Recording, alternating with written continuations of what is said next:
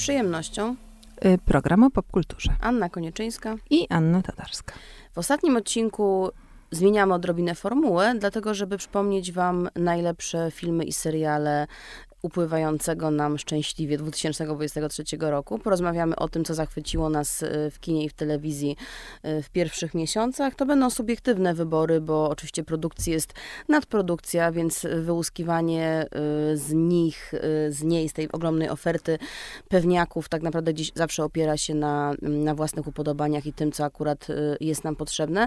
Dlatego po prostu sobie porozmawiamy i popytamy się nawzajem, co zrobiło niezatarte wrażenie, a co już się przeniosło w jakiś w ogóle totalną kosmiczną orbitę na wyższy poziom y, w kierunku klasyków, czy też produkcji kultowych, bo chyba się okaże, że kilka takich rzeczy się wydarzyło. No, szczególnie w ostatnich miesiącach. Natomiast muszę ci powiedzieć, że dla mnie te podsumowania zawsze są trochę trudne, bo jak wiedzą zapaleni kinomaniacy i e, serialomaniacy, E, daty premier są e, różne. Często jest tak, że mm, szczególnie jak jesteś właśnie, tak jak ja, dziennikarką jeżdżącą na festiwale, no chociaż nie w tym sezonie, e, to oglądasz coś rok wcześniej, a to wchodzi rok później. Seriale mają premierę amerykańską w lutym, a polską w czerwcu i to są dwa bardzo konkretne przykłady, zresztą, które się znajdą dzisiaj wśród, wśród moich faworytów, więc naprawdę mm, jest to takie dość kakofoniczne, kociokwikowate doznanie mozaikowo. Mówiąc y, bardziej tak. elegancko. Tak.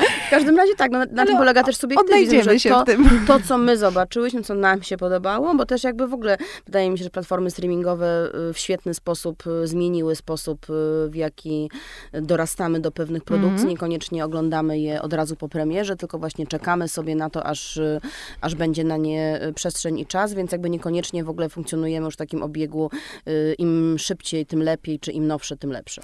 No więc ja zaczęłabym właśnie od dwóch takich tytułów, które debiutowały na festiwalach i kazały na siebie poczekać, chociaż na szczęście nie tak bardzo długo. Co więcej, z przyjemnością e, donoszę, że obie są już e, dostępne do oglądania właśnie na y, akurat dwóch różnych platformach, ale nie jest to informacja, z którą się nie da nic zrobić. Mam tutaj na myśli styczniową premierę polską, czyli Duchy i Nisherin, które miały premierę wcześniej w Wenecji we wrześniu 2022 roku i lutową premierę maleńkiego filmu, który zaczynał w Cannes, a stał się wielkim fenomenem i o nim w naszej audycji, e, w naszym podcaście, przepraszam, wspominałyśmy, czyli After Sun. E, to wydaje mi się są filmy, które w pewnym sensie duchowo, wrażliwościowo być może są nawet w jakiś sposób zbliżone, niby nic tam się nie dzieje, a dzieje się e, wszystko. Filmy, które są w jakiś sposób medytacyjne, kontemplacyjne i oba w bardzo oryginalny, też wydaje mi się potrzebny sposób przyglądają się tematowi współczesnej męskości, więc dla mnie na pewno to są takie dwa tytuły, które się gdzieś głęboko zapisały w moim sercu. Nie wiem, czy one zostaną tymi wielkimi klasykami, ale wydaje mi się, że jakimiś ważnymi punktami odniesienia mm, tak. After Sun również dlatego, że po pierwsze jest to jedna z tych ról, które zrobiły, jak to się mówi brzydko, Pola Mescala, który jest obecnie jedną z większych e, gwiazd, czy też stają, stających się mm, gwiazd kina, ale też dlatego, że yy, wyniósł na ten firmament gwiazdorski wydaje mi się jedną z bardziej obiecujących reżyserek. Mam na myśli tutaj Charlotte Wells oczywiście e, i też okazało się potem mm, niedocenioną e, nagrodowo, co jest przyczynkiem do już całkiem osobnej dyskusji. Trudno mi się z tobą y, nie zgodzić. Zaczęłaś y, z wysokiego C emocjonalnego, bo oba te filmy, które zresztą gdzieś tam zostały docenione przez gremia jury, jurorów y, przyznających nagrody, to nie były, wiesz, takie fenomeny niszowe, tylko raczej filmy, które się, które się dobrze przebiły. Duchy i Nisherin dziś na Disney Plusie, After Sun od niedawna na HBO Max, więc polecamy, jeżeli jeszcze potrzebujecie nadrobić zaległości. I tak, clue tutaj jest tak, takie, że pokazujemy, w jaki sposób mężczyźni wchodzą w relacje, w jaki sposób współcześnie mężczyźni się na nie otwierają, w jaki sposób uczą się ze sobą rozmawiać, w jaki sposób pokazują, że nie są y, niezłomni. No bo w Duchach i Niszyleni mamy y, tą sytuację rozpadu męskiej przyjaźni. Okazuje się, że jeden partner przyjacielski y, już nie chce mieć kontaktu z tym drugim, bo, bo ta przyjaźń go nie karmi w wystarczający sposób y, i ta rutyna, y, którą dzielili przez wiele lat staje się niewystarczająca i w związku z tym muszą nauczyć się trochę rozmawiać na, na nowo. Okazuje się, że rozmawiać nie do końca jednak potrafią, więc konflikt eskaluje zamiast po prostu siąść i przemyśleć jakiej rzeczy. No to były dwa filmy, w których y, kluczowa była ta męska perspektywa, natomiast y, jeszcze dwa kolejne tytuły, też kinowe, które pokazują świat, gdzie to centrum jest trochę indziej, gdzie indziej.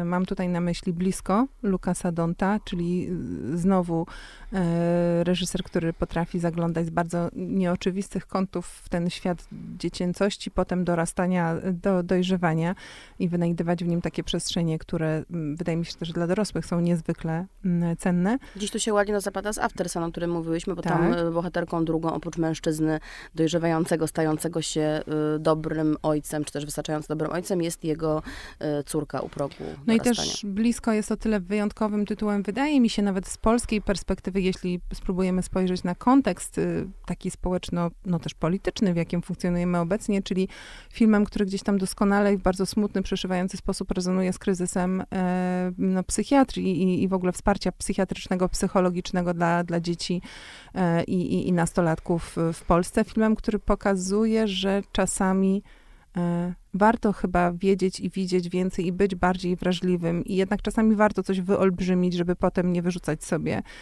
że się czegoś nie dostrzegło. Natomiast y, takim kolejnym tytułem na mojej liście, który w pewnym sensie wydaje mi się też jakoś można wpisać w tę dyskusję, nie wiem czy o zdrowiu psychicznym, ale na pewno o, o psychologii, y, jest y, Tar y, z Kate Blanchett, z bardzo ciekawą psychologicznie bohaterką. I chyba właśnie bardziej namysł uniwersalnie nad nią jako osobą funkcjonującą em, na takiej, a nie innej pozycji, też pozycji władzy, prawda? Tutaj można to odnieść z kolei do mitu bardzo, mm, bardzo celnie, niż film, który uznałabym za namysł nad kobiecością. Co najwyżej nad pozycją y, kobiet y, w branży tej i każdej innej. Ale i film, i postać y, budzą kontrowersje. To nie są jednoznaczne y, opinie, z jakimi się spotyka. Y, Mówi się o tym, że może pokazują w zbyt pociągający sposób tą, tą przemocową, czy też toksyczną władzę, a może jest tak, że łatwo, czy łatwiej znosimy opresję ze strony kobiety w pozycji władzy, dlatego że wciąż jakby jesteśmy na etapie no, wzrastania, czy dochodzenia do pozycji równej mężczyźnie, więc jesteśmy w stanie może więcej wybaczyć kobiecie, która która stosuje takie w cudzysłowie męskie, y, męskie zagrania.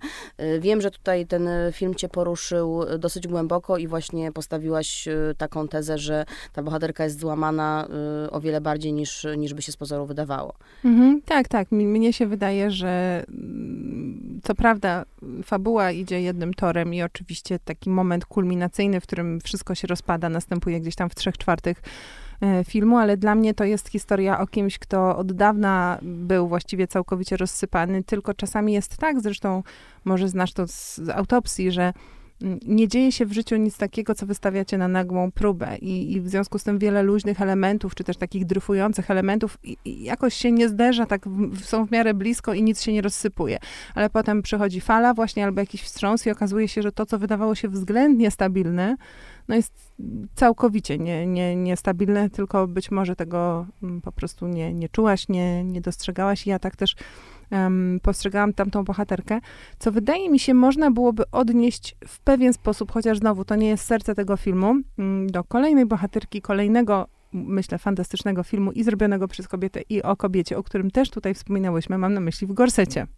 Myślałam, że powiesz, że Barbie. Byłam pewna, że, że, że, że fala, y, Słuchaj, za, ja- fala zmian zalała Barbie Ja idę, z chron- rolnikiem. ja idę chronologicznie, jestem w marcu, Barbie... Dobrze, Barbie, dojdźmy, wiesz, ale dojdziemy, dojdziemy. O tak, na pewno. No tak, w, w Gorcecie, czyli taki nieortodoksyjny portret y, cesarzowej y, Sisi, y, chociaż mam wrażenie całkiem inny od tych takich alternatywnych biografii spod znaku e, Sofii Coppoli, Sofii Coppoli, która zresztą e, podczas tegorocznego festiwalu w Wenecji powróci ze swoim kolejnym filmem, którego ja nie zobaczę, bo mnie tam nie będzie. Zobaczysz w kinie albo w zaciszu domowym, jak Tak jest. zwykły śmiertelnik. Mm, Dokładnie, dokładnie. Yy, ale tak, to było bardzo, bardzo interesujące podejście. Ta perspektywa Marii Kreuzer, yy, pewne przesunięcia yy, historyczne, ale też taka bohaterka, która, yy, wydaje mi się, wspominałyśmy o tym, yy, dostaje sw- swój, swoją biografię filmową w momencie, w którym prawdziwa y, kobieta, pierwowzór y, bohaterki, zniknęła ze sfery wizualnej, bo nie ma żadnych portretów, portretów Sisi po 40 roku życia. Tak, bo ona po prostu nie pozwalała się malować. Czyli w pewnym sensie to ci otwiera drzwi do stworzenia wyobrażenia zakorzenionego w historii, ale jednak wyobrażenia, które wydaje mi się w tym filmowym języku wyszło fantastycznie. No ja to bym... kolejny przykład y, dojrzałości na ekranie rozumianej inaczej, bo tutaj Tar y, przywołałaś, przywołałaś teraz w gorsecie pokazującą y, aktorka Vicky Trips, która pokazuje się właśnie jako kobieta, która jest sfrustrowana swoim wiekiem, próbuje się przepoczwarzyć, próbuje odnaleźć siebie y, już jako tą pozornie, czy nieinteresującą dla mężczyzn, nieinteresującą dla, dla męskiego oka, może dopiero wtedy wolną. W ogóle dużo mówi się przecież o tym, w jaki sposób dojrzałe aktorki grające dojrzałe role wreszcie zasłużyły na to, co, co od dawna było im zabierane. I na przykład y, Oscarowy sukces Wszystko Wszędzie Naraz, który też się pojawił w polskich kinach dopiero w tym roku, więc możemy też go y, przywołać. Właściwie największy y, Oscarowy mm, przebój i też wielki kinowy przebój, w którym dwie główne role grają kobiety po 60, Michelle Yeoh i Jamie Lee Curtis, obie nagrodzone Oscarem, ale też w ogóle pomysł na to, że kobieta w pewnym wieku, jak się do niedawna jeszcze mhm. mówiło, jest super bohaterką, może być super bohaterką i jest nie tylko u władzy, ale y, w ogóle rządzi jeszcze szerzej niż y, tutaj y, dyrygentka, tylko rządzi w ogóle multiversami i porusza się po różnych przestrzeniach, to jest jakieś nowum. No muszę ci powiedzieć, że y, y, akurat Jamie Lee Curtis wróci u mnie, y, jak będę mówić o serialach. mam nadzieję, że nie, nie zapomnę, więc pilnuj mnie. Natomiast a propos tego, jak są postrzegane kobiety i w ogóle Przypomina mi się, mm, ostatnio widziałam taki wpis na Instagramie, że e, Michelle Yeoh wyszła za swojego wieloletniego partnera 19 e, lat, bardzo długie zaręczyny. 19 lat zaręczyn, no pra, prawie, prawie dwie dekady i e, pod tym postem był komentarz, notabene komentarz, ja sprawdziłam, kto to jest i teraz oczywiście nie pamiętam, jak się nazywa, ale to był reżyser, słuchaj, nagradzany na Sundance, czyli nie żaden tam incel, no name, tylko po prostu of, oficjalnie pisząca pod swoim oficjalnym kontem osoba, y, który napisał coś w stylu she went for the money, czy coś takiego, ponieważ oczywiście chodzi o to, że jej partner nie jest y, kanonicznie y, przystojny. I mm. jest starszy, jeszcze starszy od niej, czyli już oscyluje... Koło 70, tak. tak, w okolicach 70. I czyli nie, nie wierzymy tam, w miłość 70-latków. Ale nawet nie o to chodzi. Rozwinęła się tam niesamowita dyskusja, w której ludzie słusznie zauważali, że jeśli ktokolwiek tutaj poleciał na kasę, to chyba on poleciał na kasę, ale wiesz, ta Złotego koncepcja... Oscara pięknej, e, pięknej kobiety, e, która jest z mniej atrakcyjnym mężczyzną, przypomnijmy tutaj fizycznie mniej atrakcyjnym, przypomnijmy tutaj e, parę Salma Hayek i Henri Pino. A tutaj akurat pieniądze odgrywają pewną rolę. By, być, może, być może, oczywiście, no bo jest to człowiek niewiarygodnie bogaty, ale nie wiem też, nie wiemy, czy to jest jedyny powód, dla którego się związali, są razem również chyba od, od już blisko od 20 lat, więc niesamowite jest to, że to jest pierwsze, co mm, co przychodzi e, co przychodzi do głowy, ale to była taka dygresja. Natomiast ja tutaj zejdę na Tormęski, skoro już poniekąd na niego zeszłam i dodam jeszcze, bo już kończę w głowie swój przegląd, jestem w marcu, że oprócz y, irańskiego filmu, który też zwrócił wtedy moją uwagę, mam tutaj na myśli Holy, Holy Spider, bardzo taki nietypowy, gatunkowy y, film z regionu, który zahacza o bardzo ważne społeczne tematy, ale jednocześnie jest po prostu rozrywką dobrą i jędrną i taką z, z tempem no muszę wspomnieć o czwartej części Johna Wicka, która, Ania, myśmy o niej nie mówiły, ale muszę ci powiedzieć, że yy, wydaje mi się, że ta franczyza miała swoje wzloty mm, i upadki. I to jest wzlot. Ale to jest wzlot i to taki naprawdę nie spalający, ale mhm. nie spalający nie, nie lot i kara. słońca. Nie, mhm. nie, naprawdę y, ja nie jestem typowym targetem tych filmów, absolutnie nie jestem psychofanką, natomiast miałam tak y, świetne doświadczenie kinowe przez ponad chyba trzy godziny, że wreszcie zrozumiałam, o co chodzi z y, fenomenem y, tej serii, a star, Nie tylko Keanu Reevesa. Stardom Keanu Reevesa, który notabene znowu w życiu prywatnym ma partnerkę w swoim wieku. O matko, co za skandal, Noszącą prawda? siwe włosy z dumą. Kolejny skandal. No, myślę, że, że jest absolutnie uzasadniony y, właśnie między innymi tym filmem i jego zresztą ogromniastym sukcesem. To jest też ciekawe, bo w tym roku na różne listy podsumowujące najlepsze dokonania tego roku trafiło sporo franczyz, co jest też y, nowością może nie tyle w jakości franczyz, które już od jakiegoś czasu y, nieźle się mają, tylko raczej w mindsetie i w podejściu recenzentów, którzy są w stanie przychylić się do naszej tezy o kulturowej przyjemności gdzieś płynącej z guilty pleasure i mm. na mhm. przykład widziałam, że Mission Impossible numer Szczęśliwa Siódemka, prawda? Szczęśliwa Siódemka tak. Mission Impossible została uznana za, mm, no chyba za najlepsze dotychczasowe osiągnięcie Toma Cruza y, jako agenta. Y, dodajmy też, że to franczyzy to jest, y, to jest jedno, a y, tutaj zresztą będzie na mojej liście akurat jeszcze, jeszcze jedna franczyza, ale to chyba w maju. Natomiast myślę, że to też jest kwestia takiego otwarcia się na komercję. Będziemy na pewno rozmawiać o Barbie, którą trudno jest z jednej strony zakwalifikować do art house'u, z drugiej strony Greta Gerwig jest twórczynią z w pełni właściwie arthouse'ową e, historią. Myślę, że to świetny dowód na to, że te kategorie się zaczęły bardzo przy, płynnie przenikać i myślę, że to jest dobrze. A wiesz, gdzie według mnie mhm. przeniknęły się, się najbardziej? Y, byłam synem na y, drugiej części Spidermana y, animowanego. Pierwsza została nagrodzona Oscarem, druga podejrzewam, że również tutaj powalczy o statuetkę, to jest Spiderman. To jest chyba trzecia, słuchaj. Druga, druga, potem będzie trzecia, bo to jest podzielona na, druga, która jest podzielona na pół i będzie jeszcze trzecia. Ja, to ja jest już zgubiłam. Spider-Man poprzez y, multiversum. Mhm. Y, nowa postać, Miles Morales. To nie jest ten stary Spider-Man, czyli Peter Parker, tylko nowy chłopak, który jak się okazuje przypadkiem zostaje przez tego pająka ukąszony. No i w duchu marvelowskim ostatnich lat oglądamy już nie tylko jeden świat, ale, ale wiele alternatywnych światów. To oczywiście wszystko wszędzie naraz i tak dalej, ale też nasza rozmowa o sztucznej inteligencji i o tym, jak się poszerza nasza świadomość świadomość, nasza rzeczywistość. Tutaj to wszystko świetnie się ze sobą odnalazło, ale też odnalazły się elementy arthouse'owe, bo spodobało mi się, że użyłaś y, tego słowa, bo, mm, bo to zacieranie się granic widać nawet w animacji marvelowskiej, która jest przecież nastawiona na, nie dość, że na sukces kasowy, ale to jeszcze na sukces kasowy i y, rekordy popularności bite wśród dzieci, które przychodzą tam z rodzicami. Mm. I ja miałam takie absolutne poczucie, że jest to film skrojony dla mnie, że, że moje dziecko było zachwycone, że było po prostu do tego tego fotela przygwożdżone. Przede wszystkim to był film y, dla mnie, bo zawierał mnóstwo kontekstów y, wizualnych i mnóstwo prądów estetycznych, które były czytelne no, dla mnie jako dla dorosłej osoby. Na przykład był Spider-Man y, z Bollywood w tej estetyce utrzymany, były postaci rysowane kreską popartową. No, ewidentnie było to nie tylko oko puszczone do, do dorosłego widza, ale przede wszystkim wpuszczenie innych języków do, i do superbohaterskiej franczyzy, i do animacji, i do do filmu ponadpokoleniowego. No ja myślę, że kino familijne, które stara się zadowolić y, i matkę, i babkę, i y, wnuczkę, no to jest y, coś, co zauważamy, taka tendencja, którą zauważamy od od dawna, tylko różne są te przedziały wiekowe, do których taki, taki film może docierać. Ja miałam podobne wrażenie ostatnio na najnowszej odsłonie Wojowniczych Żółwi Ninja. Notabene uważam, że jest to absolutnie fantastyczny film, który E, gdyby nie to, że musiałam go obejrzeć e, służbowo, to bym pewnie nie poszła i żałowałabym Ania, bo jest po prostu, no naprawdę to jest coś, coś niesamowitego, ale... Mój syn e, urodzinowo poprosił o ten film, czyli iść. Jak najbardziej będziesz zachwycona. Co prawda ten film jest naprawdę bardziej dla ciebie właśnie, jeśli chodzi o wielość kontekstów.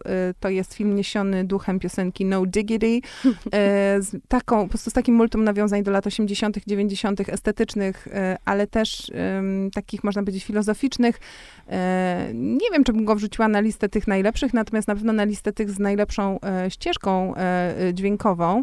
No i tych, które przełamują konwencję, na o to nam też chodzi. Zresztą dodajmy, że nad tą ścieżką dźwiękową czuwali Trent Reznor i Atticus Ross, żeby było śmieszniej, czyli taki na przykład duet, który odpowiada za wiele opraw muzycznych Fincherów ostatnich i naprawdę za takie poważne, poważne produkcje. No a... dobra, ale najlepszą ścieżkę dźwiękową ma Deber, o którym będziemy oczywiście na, rozmawiały, na pewno, ale ja już, słucham tak. Spotify'a Debera po prostu od dwóch tygodni i nie mogę przestać. Natomiast jeśli mamy mówić o ścieżkach dźwiękowych i w ogóle o takim wajbie, który jest w stanie stworzyć muzyka, to ja bym powiedziała, tutaj jestem już w maju, kwiecień, przyleciałam, słuchaj, w kwietniu nic y, u mnie, parę fajnych filmów, Prima ale playlist. nie, nie, nie, nic, nic epokowego. Mm, ja e, chciałabym jednak majowo wyróżnić Strażników Galaktyki, część trzecią, Dziś już na Disney+. Plus. Na Disney+. Plus. To jest też ostatni film Jamesa Gana, który przychodzi do DC i myślę, że po tym filmie, który jest według mnie doskonały, naprawdę będą bardzo żałować, że, e, że się z nim e, żegnają. Mi się jedynka podobała, o dwójce zapomniałam, trójka mnie absolutnie e, zachwyciła. To jest taki rodzaj mm, no, blockbustera, z drugiej strony jakiejś sentymentalnej podróży, naprawdę świetnie zagrany, z takimi ważnymi przesłaniami właśnie dla młodszych widzów, o, o wadze więzi, przyjaźni, rodziny z wyboru, mm, ale też bez żadnych fałszywych nut, takich naci naciągań, które mam wrażenie często e, są robione w imię tego, co obecnie należy e, w, w, w kinie e, pokazywać i też bardzo wiele mm, takich superbohaterskich filmów współczesnych jest śmiesznych na siłę, bo teraz trzeba robić śmieszne filmy superbohaterskie i, i, i ten ironiczny dystans jest poniekąd obowiązkiem. Tutaj to jest, ale absolutnie organiczne no niestety humor tak. starzeje się dosyć szybko. Nie Bardzo. wiem, czy oglądałaś Szereka ostatnio, ale nie da się go oglądać. No da się, jak sobie wyłączysz wrażliwość na przykład. I na... fonię, jak sobie włączysz fonię przede wszystkim da znaczy, Myślę, że z polskiej perspektywy też są inne problemy z oglądaniem Szereka być może obecnie, no ale jakby spuśćmy na to, y, na to zasłonę y, milczenia.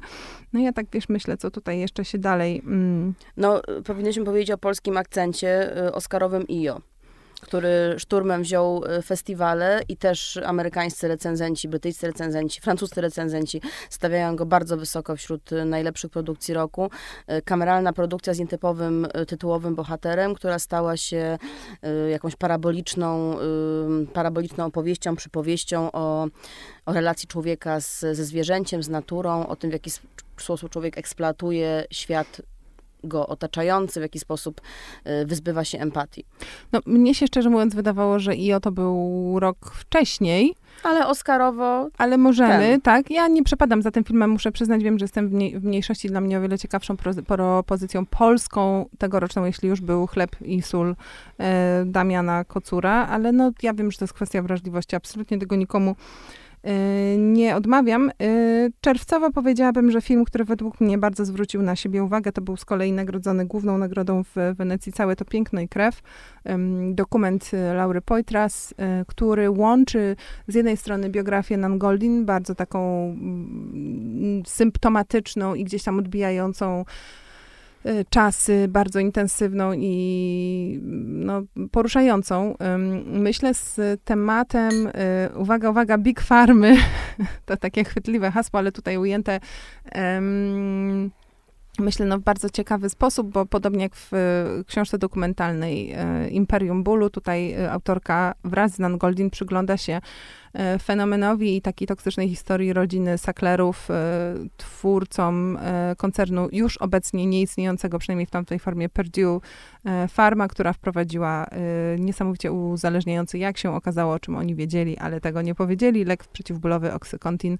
Więc z jednej strony biografia fantastycznej artystki, która właśnie od tego oksykontinu się uzależniła i mimo, że miała wcześniej różne e, historie narkotykowe, powiedziała, że nigdy nie przeżyła czegoś takiego jak, e, jak wtedy właśnie w, w tamtym mm, w tamtym ciągu. Zresztą to nie chodzi o ten konkretny lek, tylko w ogóle o plagę uzależnień od, od opioidów, która z, cały czas zżera Stany. Okazuje się, że ten um, odsetek śmierci z tego powodu jest jakiś szalenie wysoki, w ogóle o wiele wyższy niż z powodu jakichś innych e, lekopokrewnych e, problemów, więc jest to niewątpliwie e, plaga. Myślę, że jest to plaga o skali porównywalnej do, do plagi AIDS, tylko no, jakby trochę inaczej się ją marketingowo opisuje, bo właśnie stoją za tym gigantyczne pieniądze wielkiego koncernu i gdzieś teraz dopiero ten temat powoli wychodzi na, na światło dzienne, ale to niesamowity film i też bardzo ważny właśnie, więc na pewno zwróciłabym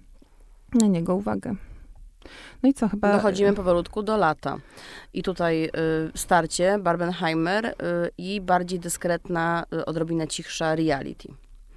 No ja bym odłożyła w ogóle reality, bo co prawda to jest film, który się odwołuje do tematu sygnalistów, który no jakby w Stanach jest bardzo takim, prawda, gorącym, gorącym tematem i to jest bardzo dobry film, ale myślę, że to w ogóle nie jest ta ta, ta skala, żebym mhm. ja go wrzucała tutaj do podsumowania. No Barbenheimer ewidentnie musi się na, no, w tym naszym podsumowaniu znaleźć, bo bez względu na to, czy by nam się te filmy podobały, czy nie, jest to absolutnie po prostu zjawisko kulturowe.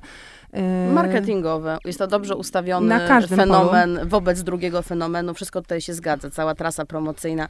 Jeszcze na chwilę przed strajkiem aktorskim, o którym opowiemy, czyli tak. jeszcze na czerwonym dywanie można było prezentować y, swoje dokonania, chociaż, chociaż zależy gdzie. Zależy gdzie, właśnie. Tak, o tym, o tym będziemy mówić w drugiej części, e, tłumacząc o co chodzi e, w strajku i dlaczego nas to e, dotyczy, e, wbrew temu, co możemy, e, co możemy sądzić. No, Tutaj... No Barbie omówiłyśmy bardzo e, ekstensywnie poprzednio Możemy odcinku. zrobić update. Do, do słuchania. Możemy zrobić update i powiedzieć, że dziś już wiadomo, że ten film zarobił więcej niż miliard dolarów na całym świecie, co stawia Gretę Gerwig na pozycji najbardziej kasowej reżyserki wszechczasów, a biorąc pod uwagę bardzo wolną tendencję spadkową dla tego filmu, szczególnie na rynkach międzynarodowych, to myślę, że to będzie nie tylko jeden z najlepiej zarabiających filmów wyreżyserowanych przez kobietę, a najlepiej zarabiających filmów w historii kina w ogóle. No Nolan, jak to Nolan, zawsze sobie finansowo akurat nieźle radził, zdaje się, poza Tenetem, no i Memento, które oczywiście, jak, jeśli porównać budżet filmu proporcjonalnie do zarobków, to było hitem, no ale nie, nie, nie zarobiło setek Mm, setek milionów. A Teneta nikt nie zrozumiał. Do dzisiaj chyba No tak, to jest też film, który był, był e, pokazywany, miał premierę w pandemii, więc w ogóle, wiesz, osobna mm, osobna historia, ale myślę, że ten fenomen Barbie i Oppenheimera to przede wszystkim jest y, coś, co się y, przegląda w takiej wielkiej nadziei, że kino nie umarło, że chcemy jeszcze oglądać filmy na dużym ekranie, no przecież ten Oppenheimer, e, który jest zrealizowany w formacie skrojonym pod IMAX w ogóle, czyli już bardzo specyficzny sposób projekcji. I wymaga zamknięcia się w sali kinowej na trzy godziny. Kto ma trzy godziny czasu do poświęcenia. To jest w ogóle jakieś takie odejście od tego pędu, w którym żyjemy i pokazanie, że dla kina y, warto się odciąć na te trzy godziny. To jest w ogóle, y, wydaje mi się, niesamowite, nie? No bo jakby właśnie powiedziałaś o pandemii i o tenecie, no to zaczęliśmy oglądać filmy y, z przerwami, z fast forwardem, mhm. z tym, że odchodzimy sobie robić herbatkę, że w ogóle oglądamy tylko w domu i ten powrót na wielkie ekrany wielkich filmów, które ci zmuszają tego, żeby usiąść, no, może taki mindfulnessowy nawet mieć na nas wpływ. Tym bardziej, że tutaj jest y, poniekąd ciekawy zabieg. Wiem, że Oppenheimer doczekał się też już krytycznych recenzji. Niektórzy twierdzą, że, że to jest taki długi wpis w Wikipedii. Y, ja nie jestem może osobą, która daje temu filmowi 10 na 10, ale na pewno bardziej po tej jasnej stronie i entuzjastycznej stronie. Natomiast y, ciekawe wydaje mi się, ciekawa wydaje mi się taka decyzja artystyczna, żeby film o czymś, co teoretycznie jest niesamowicie nagłe, głośne i przemocowe. Był tak wolny i długi. Y, tak, y, a jednocześnie też y, z bardzo dużym elementem ciszy i ten kluczowy moment, kiedy bomba wybucha, przecież jest y, zrealizowany bez dźwięku. E, ten dźwięk przychodzi dopiero później, no zgodnie z, z, dynamiką, tak, jakby obraz wyprzedza dźwięk w przypadku, mm, w przypadku takiego buchu, wybuchu, ale to jest, wydaje mi się, e, symptomatyczne. Znając Nolana, na pewno nie jest to przypadkowe. Jeszcze jeden dorzucę, może niewybitny, ale jest też na HBO Max, a ja lubię czasami sięgać po filmy na platformach, y, które um, gdzieś miały premierę kinową jakiś czas temu, albo się w Polsce nie przebiły i potem sobie to drugie życie um, w telewizji, tej nowej telewizji um, odperformują i Ray Lane to jest nowa interpretacja romkomu. Ja jako fanka komedii romantycznych y, chętnie oglądam coś, co y, rozbija y, strukturę albo przynajmniej proponuje jej redefinicję. To jest taki skromny brytyjski film o no, tytułowej Ray Lane, czyli o pewnym miejscu w Londynie, po którym spaceruje para przypadkowych bohaterów. Meet cute, czyli taki stały element romkomu, ten moment spotkania, odbywa się w toalecie, więc jakby od razu narzucamy sobie ton tego filmu. Potem w konwencji trochę przed zachodem słońca Linklatera bohaterowie po prostu się przechadzają po mieście, poznając się stopniowo, opowiadając o sobie, zgłębiając swoje, swoje biografie. Trochę tu jest takich myków wizualnych, ale wszystko wszędzie naraz. Jest generalnie kolorowo, trochę przerysowane, trochę zmiany, zmiany perspektywy, ale ogląda się to nieźle i widocznie faktycznie potrzebujemy trochę nowej formuły na komedię romantyczną, no bo tego naprawdę nie jest dużo. Ja uważam, że oczywiście takie produkcje serialowe, jak na przykład Hardstopper, to jest też nowy kierunek w komediach romantycznych, ale w kinie y, wciąż mi tego brakuje i nie chodzi tylko o to, że y, bohaterowie y, tego filmu mają inny kolor skóry niż nasi 90sowi bohaterowie, tylko raczej, że mm, pokazujemy po pierwsze, że że ta miłość romantyczna nie jest koniecznie jedyną drogą, albo że jednak ma więcej troszkę y, zawirowań, albo że y, w inny sposób ze sobą rozmawiamy. No w każdym razie jakoś jest jakaś formuła, formuła przełamania. Na pewno nie są to bohaterowie y, idealni, do których wzdychamy z pozycji widza. Więc taki skromny, skromny film godny polecenia. Myślę, że teraz przejdziemy do seriali i tutaj, tak jak już y, mm, wspominałyśmy wcześniej, y, ta chronologia będzie nieco bardziej chaotyczna, bo y, seriale mają na przykład y, różne daty premier y, w różnych krajach. Y, my oczywiście zawsze zachęcamy was do oglądania filmów i seriali wyłącznie legalną drogą, natomiast wiem doskonale, że różnie to bywa, bo y, trudno jest czekać na przykład na DB y, do 2 sierpnia, kiedy już, Ja czekałam. No ja, Ania, ja też mhm. czekałam, mhm. oglądałam screenery, które dostałam oficjalnie od Disney, ale w Stanach ten serial miał premierę już w czerwcu y, i wiem, że niektórzy nie czekali, tak to, tak to ujmę, ale nie powiem kto. I, i, i, I tak samo y, drugi mój ukochany y, serial, czyli Yellow Jackets, który kazał na siebie z kolei czekać jeszcze dłużej, bo drugi sezon miał w Stanach premierę w marcu, a u nas pod koniec y, czerwca, więc czasami te, mm, te przerwy są długie, dlatego tutaj bez, bez, bez chronologii. Natomiast tego Debera to może bym sobie zostawiła na, na deser. Na deser. tak? Dobrze, Last of Us. Czy to jest absolutna rewolucja, czy to jest po prostu bardzo dobrze zrobione kino gatunkowe? Bo ostatnio obejrzeliśmy dopiero ostatnio, widzisz, też sobie czekamy i dawkujemy. Ostatni odcinek y, z moim mężem mieliśmy taką refleksję, że y, mimo tego, że pisze się o nim jako o bardzo innowacyjnym, wskazującym nową drogę na przykład dla, dla ekranizacji gier komputerowych, tak naprawdę dla mnie jest bardziej podsumowaniem pewnego dyskursu o tym, czym jest y, apokalipsa i nasze rozumienie apokalipsy, czy nasze, nasze lęki. Że jakby takie zgrabne ujęcie wszystkich możliwych wątków, tematów i strony wizualnej tego, w jaki sposób o tym rozmawiali oglądaliśmy. Myślę, że możemy mówić o tym serialu ze spoilerami, bo od premiery minęło już 8 e, e, miesięcy, więc przepraszamy, ale ja tu będę się odwoływać do konkretnych e, sytuacji. Ostatni odcinek, który jest niesamowicie krwawy i właściwie najbardziej schematyczny chyba ze wszystkich, bo po prostu to jest strzelanka, która gdzieś ten, ten język odpowiada właśnie takiej stereotypowo rozumianej grze komputerowej, gdzie po prostu chodzisz i zabijasz.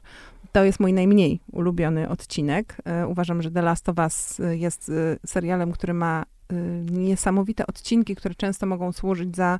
Jako filmy mm, oddzielne. Filmy, mhm. tak. Te, wystarczy tutaj wspomnieć ten wspaniały odcinek z Nickiem Offermanem i Marejem Bartletem. Zresztą wydaje mi się, że niektóre nagrody wyróżniają właśnie takie role, tak zwane, drugo, nawet nie drugoplanowe, tylko tak naj, najlepszy aktor w odcinku i to oni są Murowanymi e, Absolutnie murowanymi tutaj kandydat, kandydatami, jeśli nie mm, właśnie zwycięzcami. E, myślę, że sam serial był e, dużą rewolucją, bo dla osób takich żyjących gdzieś z dala tego świata gier, sygnał, że możesz mieć grę, w której jakby to ty decydujesz, po pierwsze, no to jest może mniej rewolucyjny koncept, ale że w pewnym sensie o tym, gdzie to idzie, decydują emocje, no to jest jakaś taka nowa narracja, która sprawiła, że ja chyba pierwszy raz poczułam się zachęcona do tego w ogóle, żeby w coś zagrać. Dodajmy, że jeszcze cały czas tego nie zrobiłam, więc też Mm, Czekasz, aż dorośnie ci syn. No w każdym razie tak, emocje i relacje, a, y, a nie cała ta struktura, że z pozoru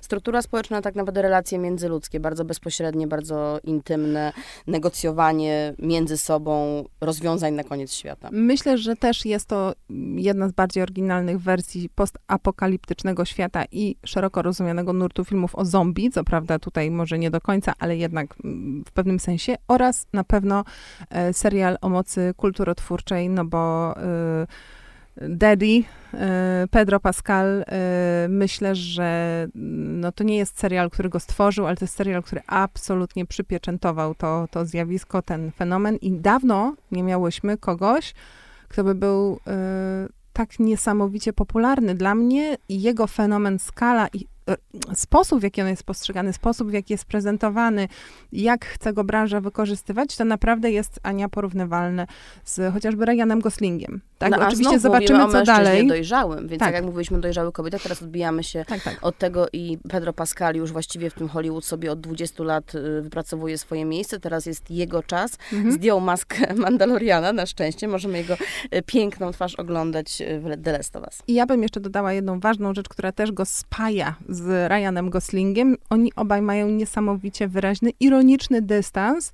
do stereotypu męskości, z którym są utożsamiani. Swojego statusu I, symboli seksu. I to jest y, coś, co daje mi dużo nadziei odnośnie tego, gdzie jednak to wszystko idzie. Że jeśli tacy mężczyźni, owszem, klasycznie przystojni, ale naprawdę nieustannie robiący sobie trochę jaja, y, są popularni, są pożądani, są obsadzani, to, to, to dobrze, tak myślę teraz taka e, produkcja Netflixa, która gdzieś mocno rozbłysła, a potem wydaje się, że przygasła, czyli awantura, Beef. Był moment, kiedy wszyscy oglądali, trochę jak kiedyś um, Squid Game, chociaż mm. to nie aż tak brutalne, na poziomie emocjonalnym może bardziej, ale realnie nie. E, krótki miniserial o tym, co się dzieje, kiedy mm, eskaluje y, właściwie zwyczajny czy trywialny konflikt. Spodobało się to chyba dlatego, że każdy w sobie nosi takie pokłady, Oj, tak. pokłady frustracji i, i agresji, więc on jakoś dziś dobrze trafił. Kto nie e, chciał zabić typa, który zajął miejsce na parkingu podziemnym w supermarkecie, niech pierwszy rzuci kamieniem. Tak, to coś, ale to wydaje mi się, że właśnie ten serial o tyle rozbłysł i zgasł, że właściwie zamykał się gdzieś w takiej jednej, yy, prawda, w jednym motcie i, yy, i w jednym haśle. Ale ja bym go jednak umieściła na właśnie takiej mapie podsumowań i rzeczy, które mają znaczenie, też dlatego, że Wszystko Wszędzie Naraz, o którym już mówiłyśmy, jest jednym z kilku filmów yy, oczywiście już po Crazy Rich e, Asians, e, które m, właściwie... Przy... Bajecznie bogaci Azjaci będą tak, mieli teraz sequel. Nie przywracają, ale wprowadzają na mapę grupę od y, lat niesamowicie ważną i społecznie, i w branży, a notorycznie wykluczaną w tej sferze widzialności, czyli e, Azjatów. E, no i e, Beef jest w tym sensie też, też ważne, że tutaj zarówno jakby Ali Wong, jak i Steven Yeun, którzy grają tutaj główne role, mają, myślę, status takich pełnoprawnych gwiazd i też są aktorami z bardzo ciekawymi karierami mm, i twórcami również, nie tylko przecież odtwarzającymi, ale też tworzącymi, piszącymi, szczególnie ona e, i wprowadzającymi gdzieś do tej mainstreamowej narracji nowy, e, od dawna bardzo po potrzebny i niedoreprezentowany e, punkt widzenia. No to jeszcze jest najważniejszy finał, czyli sukcesja. No nie może się też nie znaleźć na liście y, też co byśmy nie myślały y, o tym, kto został y, sukcesorem, bo tutaj to chyba wciąż budzi kontrowersje i wciąż się troszkę nie potrafimy pogodzić, tak jak biedna Shiv, która, która podaje swojemu byłemu czy jeszcze mężowi rękę na koniec, godząc się na, na rolę żony króla, bo nie mogła zostać no, tą królową koronowaną przez, y, przez zarząd. Więc przez małżeństwo. Więc przez małżeństwo. I to jest niesamowite, ponieważ jakby cofamy się tutaj przed y, epokę równouprawnienia, czy też jakby pokazujemy, w jaki sposób system wciąż y, karze kobiety, które mają pragnienie władzy i że pragnienie władzy u kobiety wciąż jest jakoś mniej atrakcyjne, czy, czy traktowane jako mniej cudzysłowie naturalne niż pragnienie władzy u, u mężczyzny. Sukcesja odeszła z hukiem, a, a nie z jękiem udało się po prostu naprawdę dopiąć te wątki tak, że wszystkich fanów po pierwsze zaskoczyć, a po drugie spolaryzować. Udało się stworzyć kilka wirali na czele z e, absurdalnie pojemną torbą. No ale chyba ten sezon sam, znaczy jako tako nie wniósł nic nowego w tą refleksję o, e, o władzy. Wciąż mamy tutaj obserwację 1%, a tak naprawdę obserwację e, rozpadu rodziny i, i tego, że tylko te konteksty wewnętrzne, emocjonalne, relacyjne są istotne. Oczywiście byliśmy świadkami śmierci Nestora Rodu, którą gdzieś od pierwszego odcinka y, zapowiadano. Wiedzieliśmy, że ona musi nastąpić. W końcu nastąpiła w taki bardzo y, znów sposób cichszy, quiet luxury, by, by trzeba było powiedzieć. Cichszy. Nie było to wielkie, spektakularne wydarzenie, tylko właśnie y, coś takiego, co byśmy kojarzyli z, z elitami, bo, bo prywatny odrzutowiec miał tutaj, odegrał tutaj rolę.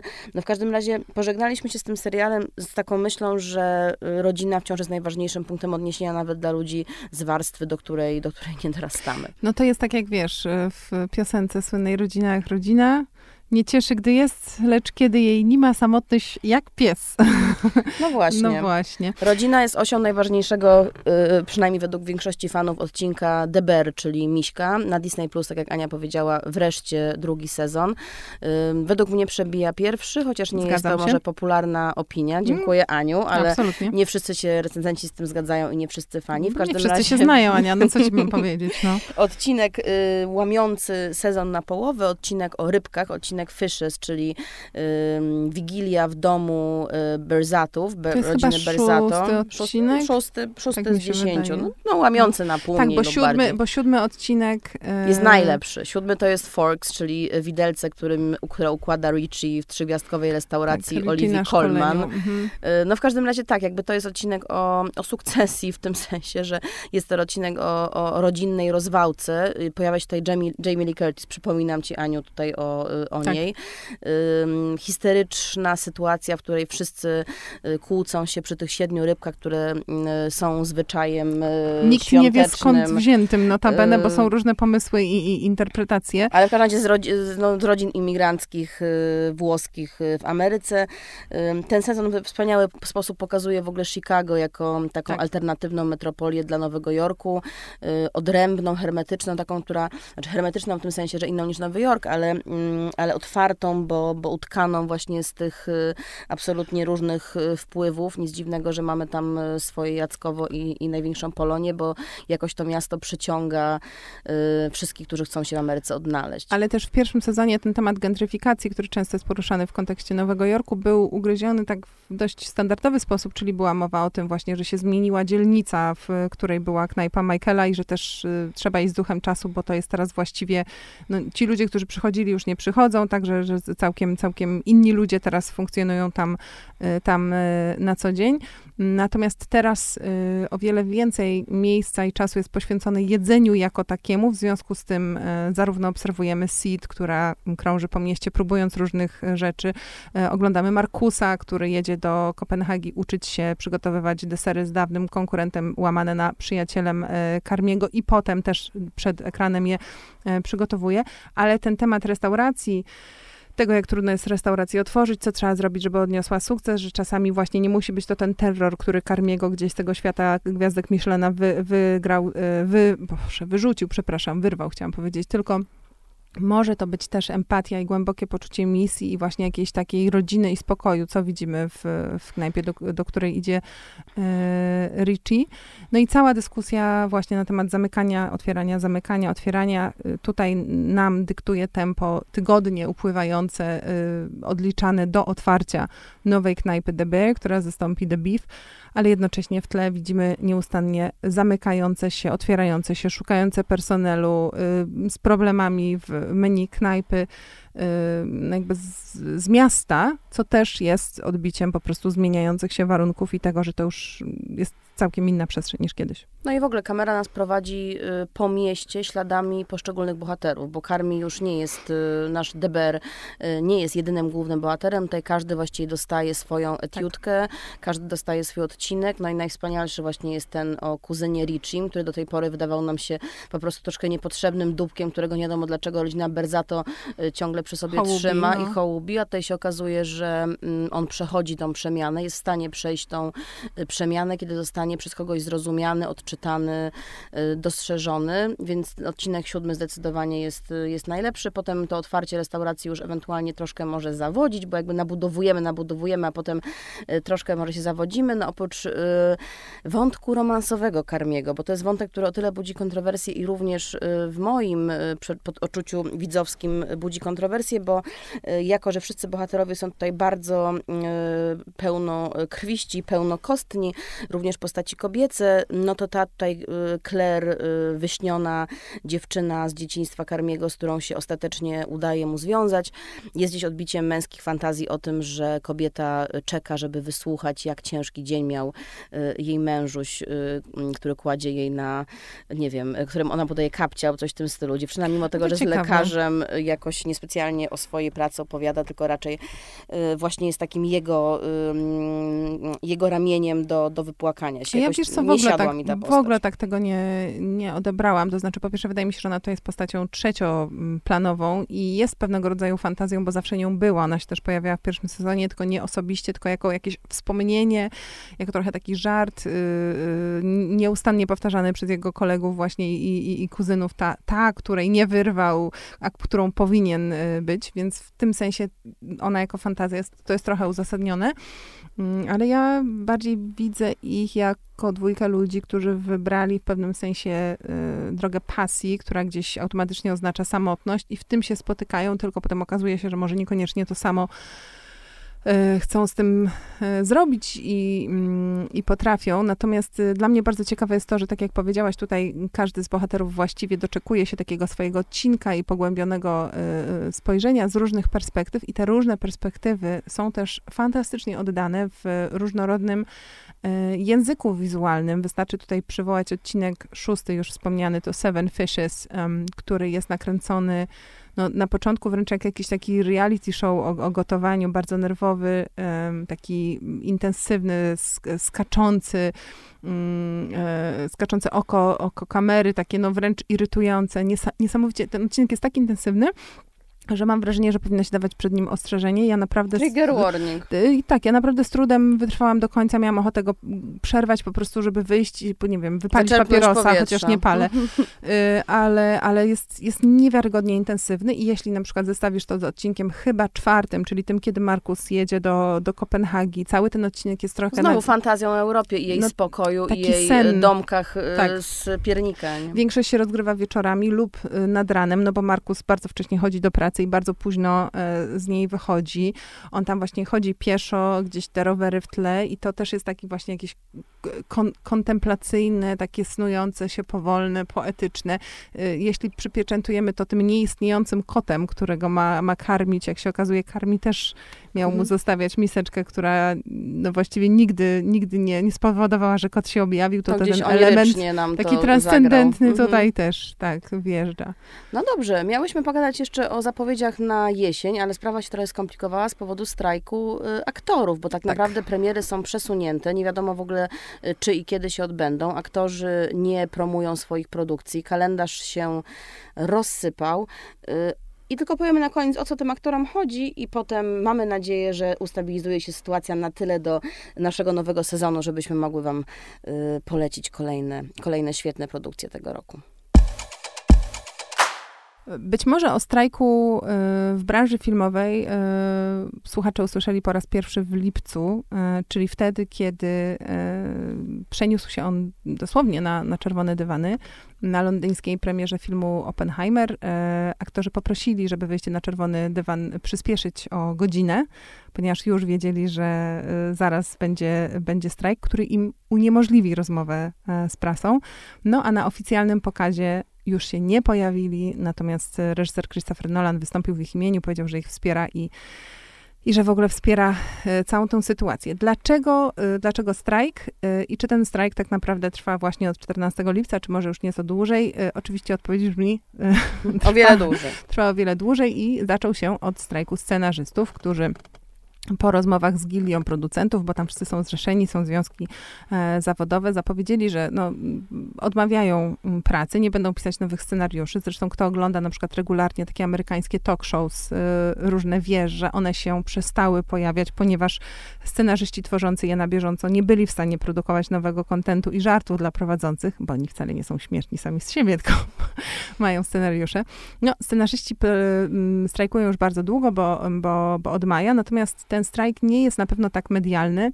E, dla osób interesujących się dynamiką branży e, łatwo było wyszukać nawet takie, no, uważam, że straszne jakieś takie cytaty z producentów, którzy mówili o tym, że dadzą się scenarzystom wykrwawić, że na pewno jak zaczną tracić domy, to się zgodzą na, na ich postulaty. Tutaj no, ta dynamika jest o tyle jasna, że chodzi jednak głównie o o pieniądze i o docenienie. Dodajmy, że producenci strajkują cały czas. Natomiast sytuacja, w której jednocześnie strajkują i producenci, e, przepraszam, scenarzyści. i scenarzyści, i e, aktorzy, e, jest sytuacją nie bez precedensu, ale wydarzającą się po raz drugi w historii zaledwie. Pierwszy raz wydarzyło się to e, w roku 1960, a jak dawno temu to było, dodajmy, niech świadczy fakt, że prezesem tego stowarzyszenia e, Screen Actors e, Guild był wtedy nie kto inny, a Ronald Reagan, który nie był wtedy jeszcze politykiem, a aktorem. Mm, wtedy te strajki pokrywały się przez około półtora miesiąca. Znowu scenarzyści zaczęli, aktorzy dołączyli. Aktorzy e, dużo szybciej e, uzyskali spełnienie swoich e, postulatów, a scenarzyści musieli łącznie strajkować przez prawie pół roku. Zobaczymy, czy tak będzie też tym razem, no bo ten strajk aktorów już właściwie dobiega do półtora mm, miesiąca i szczerze mówiąc, y, mm, gwiazdki żadnej y, dobrej wiadomości na horyzoncie e, nie widać. E, scenarzyści też dopiero co niedawno spotkali się z producentami i nie dogadali się y, ani trochę. Jak nie wiadomo o co chodzi, zawsze chodzi o pieniądze, no i tutaj oczywiście ten element finansowy jest y, bardzo ważny. Chodzi o to, żeby mm, no, były mm, adekwatne stawki, ale też, żeby aktorzy dostawali tantiemy. Mm, przypomnijmy, że w części produkcji, na przykład w produkcjach Netflixa, nie ma w ogóle czegoś takiego jak, jak tantiemy. Dostajesz tylko to, co dostajesz za sam występ, ale potem bez względu na to, ile osób cię zobaczyło. Na platformie, jaki będzie sukces, na ilu rynkach, to nie ma absolutnie żadnego wpływu na na twój, e, na twój zarobek i przeciwko temu protestują y, aktorzy. Natomiast y, no, pojawił się jeszcze jeden element, myślę, doskonale obrazujący y, czasy, w jakich żyjemy, bo, bo drugim zapisem, który był przygotowany przez Gildię Producencką w sposób, który absolutnie nie mógł być zaakceptowany, był zapis o sztucznej inteligencji i jej roli w przemyśle filmowym. Y, dodajmy, że tu się pojawił między innymi, naprawdę uważam, Ania, skandaliczny mm, zapis o tym, że aktorzy, tacy powiedzmy epizodyści, e, statyści, dostają jednorazową opłatę za wystąpienie w filmie, ale potem ich wizerunek może być multiplikowany w kolejnych produkcjach właśnie już bez tantiemów. Czyli de facto to jest spełnienie tego czarnego snu, o którym wszyscy mówią, czyli że stajesz się zbędny, stajesz się niepotrzebny. E, a za ciebie gra robot? No nawet nie Hologram. wiem. Hologram. Kopia. Mm. No tak, y, strajk trwa. Y, przełożenie na naszą rzeczywistość jest takie, że y, po pierwsze, nie wiedząc, kiedy aktorzy, bo większość aktorów nie może w związku z tym strajkiem ani grać, ani promować, ani rozmawiać z prasą, ani żadnych aktywności związanych z tym polem działania Y, wykonywać. Dodajmy, że są sytuacje takie, że na przykład Bradley Cooper jest y, teraz z filmem Maestro, będzie w Wenecji jako reżyser i aktor teoretycznie Może mógłby, podzielić rolę. mógłby jako reżyser udzielać wywiadów, natomiast już słyszałam, że nie będzie, nie będzie tego robił. Więc niewiele stracisz, nie będąc na festiwalu. No, hmm, hmm. nie, nie mogę powiedzieć, że mam nadzieję, że strajk jeszcze potrwa, no ale dla mnie na pewno, wiesz. E, natomiast, e, natomiast no po prostu bardzo wielu reżyserów się solidaryzuje i też rezygnuje z aktywności, no bo to jest sprawa branżowa. Mm, poza tym w SAG-AFTRA są zrzeszeni nie tylko Amerykanie, no bo na przykład Gosling czy Robbie nie są Amerykanami, a grają w amerykańskich filmach, więc to się rozciąga o wiele, wiele dalej niż, niż no, moglibyśmy na początku przypuszczać. Filmy są wycofywane z festiwali, bo już wiadomo, na przykład, tak jak było z Wenecją i z nowym filmem Luki Guadagnino, że nie będzie jak ich promować, bo mm, gwiazdy pokroju na przykład Zendai w tym przypadku filmu Challengers nie będą w stanie rozmawiać z prasą, nagrywać storiesów, nagrywać TikToków, e, występować na, na okładkach. Katastrofa. Katastrofa. No, dla branży w pewnym sensie katastrofa. Jasny, y, jasna strona tej sytuacji jest taka, że dzięki temu, że strajkują również aktorzy, ta presja jest o wiele większa, potencjalne straty no bo o tak, wiele no bo większe. To oni są właśnie, to, to nieprzypadkowo powiedziałaś TikTok, no to oni są y, tymi twarzami, nie tylko na ekranie, ale też na tym małym ekranie smartfona i to oni ten film za sobą teraz y, niosą. Ja myślę, że o tym krajobrazie po katastrofie opowiemy sobie więcej we wrześniu. Może już się Mhm. sytuacja wyjaśni, a na razie zostawiamy Was y, z naszymi typami. Y, Nadrabiajcie, komentujcie, oglądajcie. Mhm, tak jest, ale też y, chodźcie do kina, na, nie tylko na Barbie i na Oppenheimera, co? Pewnie. Do usłyszenia. Do usłyszenia.